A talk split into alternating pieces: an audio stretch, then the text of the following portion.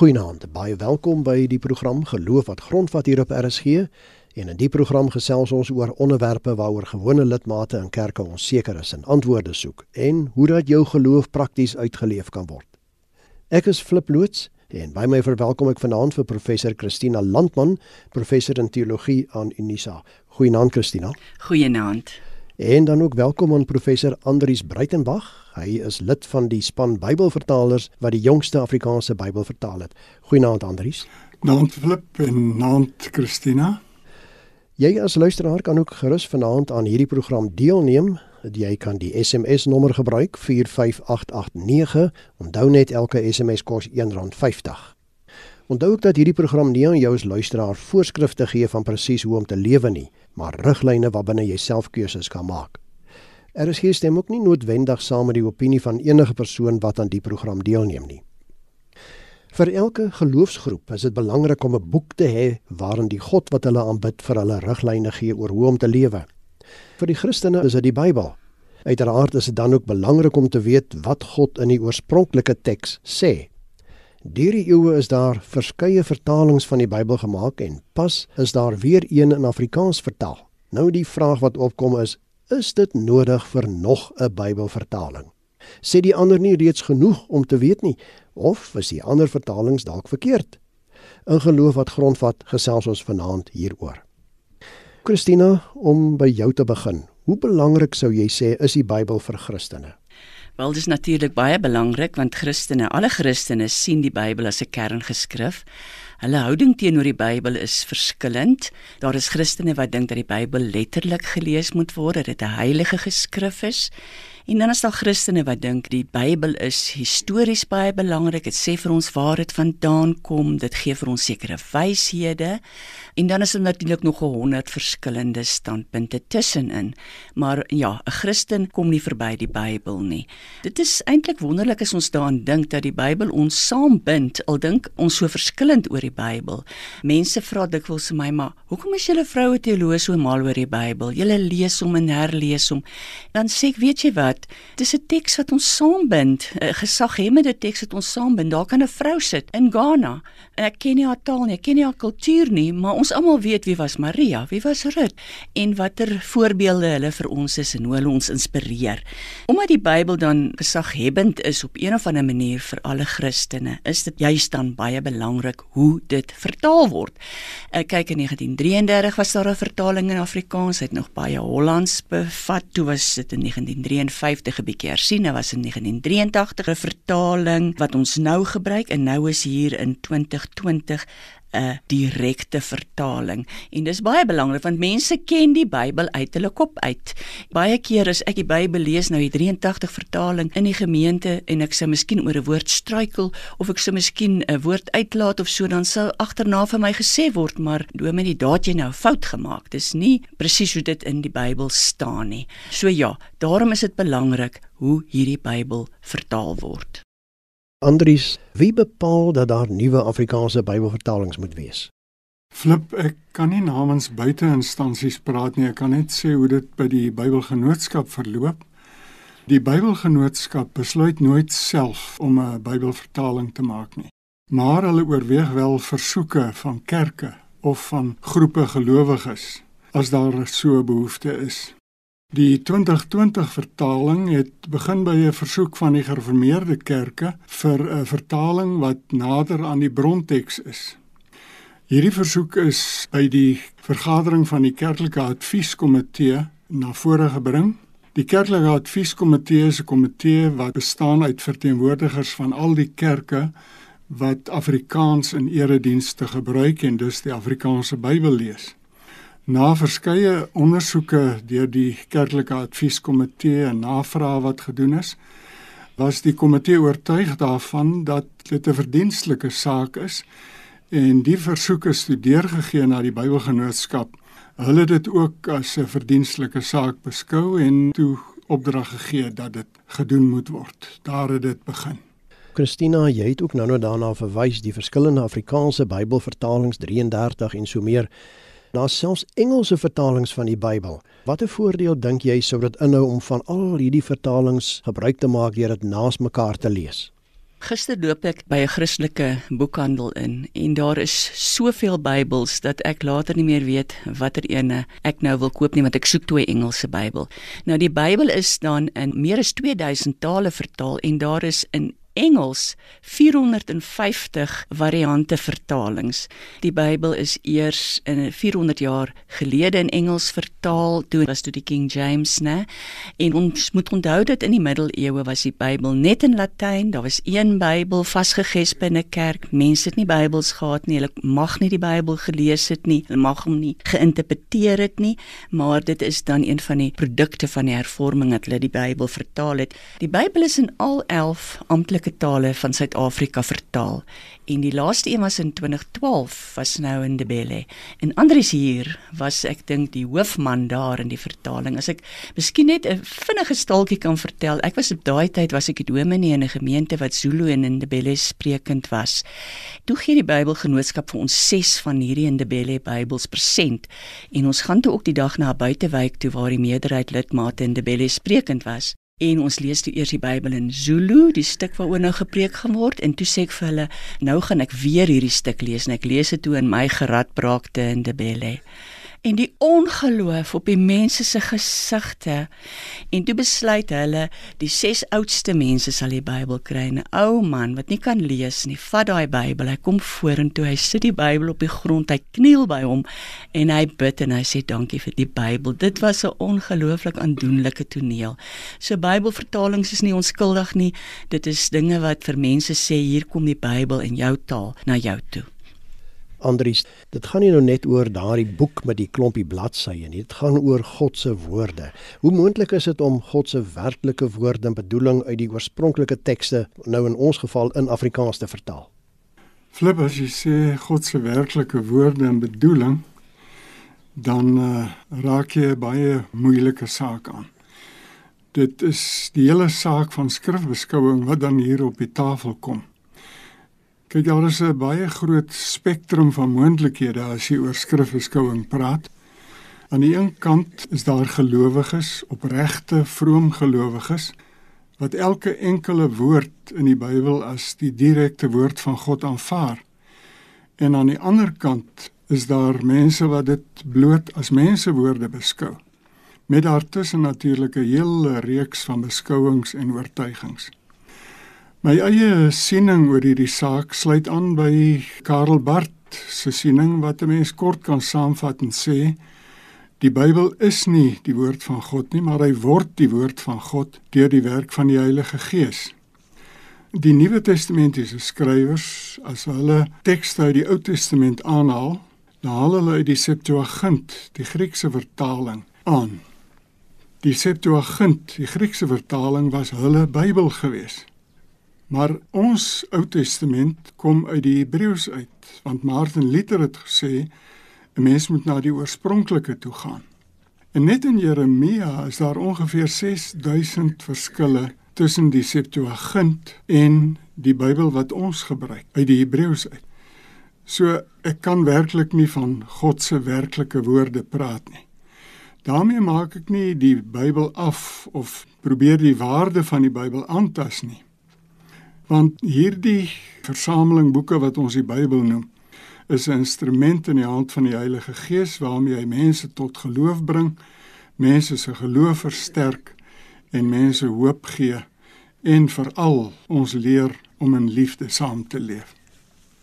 Dit is RSG met die program Geloof wat grondvat en ons gesels vanaand oor waarom nog 'n Bybelvertaling.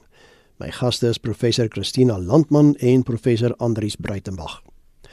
Jy is luisteraars welkom. Jy kan saamgesels gebruik ons SMS nommer 45889. Onthou net elke SMS kos R1.50.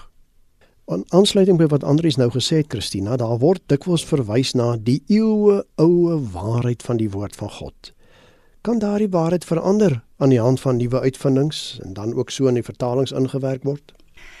Dit is presies die uitdaging van Bybelvertaling. Punt 1, ons praat nie hier van 'n oorspronklike teks, maar watter oorspronklike tekste het ons nou? Ek meen ons het nie Paulus se oorspronklike briewe nie. Ons het 'n 6de of 8de eeuse manuskripte. Ons moet ook onthou dat Paulus byvoorbeeld het nie die evangelies voor hom gehad toe hy geskryf het nie. Al daai dinge maak dit geweldig moeilik om te vertaal, maar daar is aanhoudende nuwe vertaaltegnieke, vernuwende insigte in vertaling. Ek onthou toe ons studente was, het ons nog die dinamies ekwivalente vertaling gehad. Jy weet dan sal nou nog 'n hele klomp goed verbykom. Relevance theory, hoe vertaal jy relevant? Dan is daar audience reception. Hoe het die mense, die oorspronklike mense daardie boodskap ontvang? Hoe sal hulle dit nou ontvang?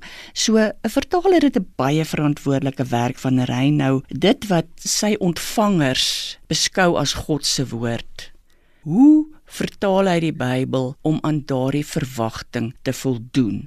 Want die ontvangers, hulle sien hierdie as woorde van die Godheid Hoe vertaal jy daai woorde op 'n manier wat jy lojaal bly aan hulle verwagting of moet jy maar in die begin sê ek bly liewers getrou aan die bronteks eerder as om aan verwagtinge van mense te voldoen. Kyk net byvoorbeeld daar's so 20 gebede van Jesus in die Bybel in die Nuwe Testament opgeteken waarvan 11 ons nou sy eie woorde het.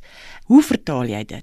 Andries moet ons liewer help want dit klink vir my na ontsaglike verantwoordelikheid want jy bring jou lojaliteit in die vertaling van 'n teks in of jy nou wil of nie. Wat bepaal hoe die vertalers met die oorspronklike teks werk Andries? Is dit die huidige omstandighede waarin ons lewe om dit so toepaslik as moontlik te maak vir die mense wat dit nou gaan aanhoor of gaan dit oor die fisiese woorde in die oorspronklike taal? Flip ek wil eerstens met Christina saamstem en sê daar is nie so iets soos 'n oorspronklike teks nie. Ons het tekste wat soos sy inderdaad gesê het oor meer as 2000 jaar telkens oorgeskryf is. Dit is baie noukeurig gedoen van dat dit 'n vasgestelde teks was. Maar voor die tyd het daar veranderings ingekom. So ons het nie 'n oorspronklike teks nie. As jy vra oor huidige omstandighede of fisiese woorde in die Bybel, die brontaal, alles hang van die vertaalteorie af. Vir baie jare, soos Christina gesê het, is woordelikse vertaling beskou as die beste vertaling. Maar ons weet almal dat woorde se betekenis deur verband bepaal word. En verband is nie net die ander woorde wat daarmee saam gebruik word nie, maar ook die leefwêreld waaruit jy kom. Die 33 en 53 vertalings is in 'n baie hoë mate woordelikse vertalings. Met 83 is daar, soos sy gesê het, wegbeweeg na 'n teorie dat jy nie woorde nie, maar betekenis vertaal. Die Bybel is toe om dit in aanhalingstekens te sê aangepas. Sluit die aanhaling by die leefwêreld van vandag. Daar is gebruik gemaak van hedendaagse mate en gewigte. Die Bybel is as dit ware ingebring in die manier van dink vandag. Daar is byna gepoog om die Bybel te laat klink. Dis nou nie net in 83 nie, maar ander vertalings wat ook betekenis vertaal om die Bybel te laat klink asof hy baie onlangs in Afrikaans geskryf is. In 'n sekere sin spreek die huidige omstandighede dus baie duidelik mee afhangende van die vertaalteorie wat jy volg. Die 2020 vertaling verteenwoordig 'n ander teoretiese vertrekpunt. Die versoek was dat dit nader aan die bronteks moet wees. En as veral ons ouer luisteraars dit lees, sal hulle agterkom dat hierdie vertaling nader is aan die 33 vertaling of 53 vertaling dan as aan die 83 vertaling. Die leefwêreld van hierdie nuwe vertaling vat jou terug na die tyd toe hy geskryf is. Dit is 'n uh, getuienis oor God soos wat hulle dit in hulle wêreld ervaar het. Dit dink ek is wat die poging was om in die 2020 vertaling te doen. Christina Andries het nou verwys na die woordjie ervaar en dit bring my by relevantie, nê? Hoe relevant is die Bybel vir vandag se mense? Hoe ervaar hulle dit volgens jou ervaring, jou opinie? Wil mense nog daarvolgens lewe? Ja, ek dink dis die dominee se werk om die Bybel relevant te maak en dis ook 'n baie verantwoordelike werk want jy kan 'n teks laat land op 'n plek waar hy nie moet land nie. Maar ja, die teks kan vlieg en op verskillende plekke land, sou ek sê, Ek sien by my gemeentelede 'n skierigheid oor die Bybel. Hulle wil weet wat het dit in daai tyd beteken en wat beteken dit nou vir ons. Dan omdat jy dan met mense se ervaring van die religieuse werk moet jy baie versigtig wees waar jy daai teks laat land. Ek wil vir Andrius vra, wie se taak is dit nou om die Bybel relevant te maak? Die dominee of die vertaler. In 1983 is dit die vertaler wat die teks relevant gemaak het. En nou sê julle met hierdie nuwe vertaling, hierdie 2020 vertaling, nee, dit is nie die vertaler se werk om die Bybel relevant te maak nie en daarom gaan julle terug na die bronteks toe. Kyk in elke vertaling is daar interpretasie. Daar's geen twyfel daaroor nie. En uh, weer 'n keer jou vertaalteorie gaan bepaal of jy meer interpreteer of minder interpreteer. Ek dink dit is die dominee se werk om die teks te interpreteer, om bewus te wees van die soort vertaling waarmee hy werk, om as dit moontlik is meer as een vertaling te raadpleeg en natuurlik as dit enigstens moontlik is ook die brontaal te raadpleeg en daaruit vir die mense met wie hy te doen het en wat 'n eie lewe wêreld het om vir hulle daardie woorde betekenis te gee. Nou Andries, ons sit nou hier met 'n splinter nuwe Afrikaanse Bybelvertaling wat eersdaags die lig gaan sien. Hoe lyk die paneel wat Bybelvertalings doen? Ook daar by julle nou in hierdie jongste uitgawe, is dit net teoloë? Laat ek maar 'n bietjie vroeër begin flip. Met die 33 vertaling dink ek was dit net teoloë. Ek kan een voorbeeld noem. HCM Fourie, wat een van die vertalers was, het sy doktorale studie gedoen oor die religieuse sosiale lewe van die Ndebele's. Daar was sover ek weet nie werklike baie goeie brontaalkenners soos wat 'n mens vandag het nie. Dit geld in 'n mate ook vir die 53 vertaling. In 83 het daar 'n sterker komponent brontaalkenners bygekom. Daar het ook 'n sterker komponent Afrikaanskundiges bygekom. Maar dit was alles net mans geweest. 2020 is die net baie wyer uitgegooi. Daar is baie meer brontaalkenners dink ek betrokke gewees as teoloë. Ons het probeer kyk dat as iemand byvoorbeeld 'n doktoraal geskryf het oor een of ander groot teoloog, was dit nie 'n kwalifikasie om Bybelvertaling te doen nie. Dus jy moes 'n goeie brontaalkenner hê, jy moes goeie eksegeet hê Afrikaanskundiges het bygekom, taalkundiges, letterkundiges. En hierdie keer was daar ook deskundiges op die terrein van vertaalkunde by wat by die ander vertalings nie daar was nie. En die beste van als flip, daar was ook vroue hierby betrokke en nie net betrokke nie, deur al die fases van die vertaling het hulle 'n wesenlike rol gespeel. Christina, jy het nou gehoor, die vroue was betrokke en jy's betrokke by die programme. Help ons nou. Daar's Christene met baie Bybelvertalings op die rakke. Wat maak ons met die ou vertaling en met al die ander? Watter een is nou die beste? Kyk, ons dominees word opgelei dat hulle tog daarom nog 'n bietjie Grieks en Hebreëus ken sodat hulle kan weet wat is die sprong wat gemaak is tussen bronteks en vertaling. En daar is ook 'n gewoonte in die hoofstroom Afrikaanse kerke dat 'n kerk 'n uh, vertaling amptelik aanneem of nie. Nou, sover ek weet, is hierdie 2020 vertaling gevra deur van die hoofstroom Afrikaanse kerke, maar nie almal gee nou gesag daaraan in die sin dat dit nou die 1983 vertaling moet vervang nie.